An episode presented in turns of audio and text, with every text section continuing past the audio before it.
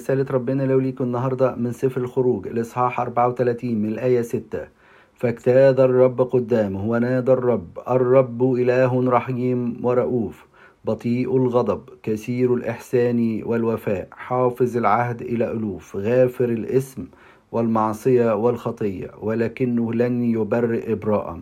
مفتقد اسم الآباء في الأبناء وفي أبناء الأبناء في الجيل الثالث والرابع.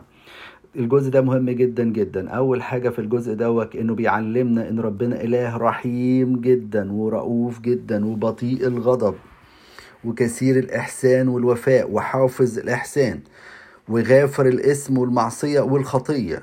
لكن هنا بيقول حاجة مهمة جدا. الناس كلها بتبقى confused في الحتة ديت مفتقد اسم الآباء في الأبناء في أبناء الأبناء في الجيل الثالث والرابع. الآية دي خلي بالكم يا احبائي بتوري إزاي ربنا إنه رحيم ورؤوف وبطيء الغضب. يعني ما بيعاقبش على الخطية مباشرة. لا ده بيستنى الجيل التاني والتالت والرابع. لو استمرت الخطية هو منتظر توبتهم. لو استمرت الخطية من الآباء للأبناء نفس الخطية هي هي والأبناء ما تبوش عن الخطية بتاعتهم هم الشخصية.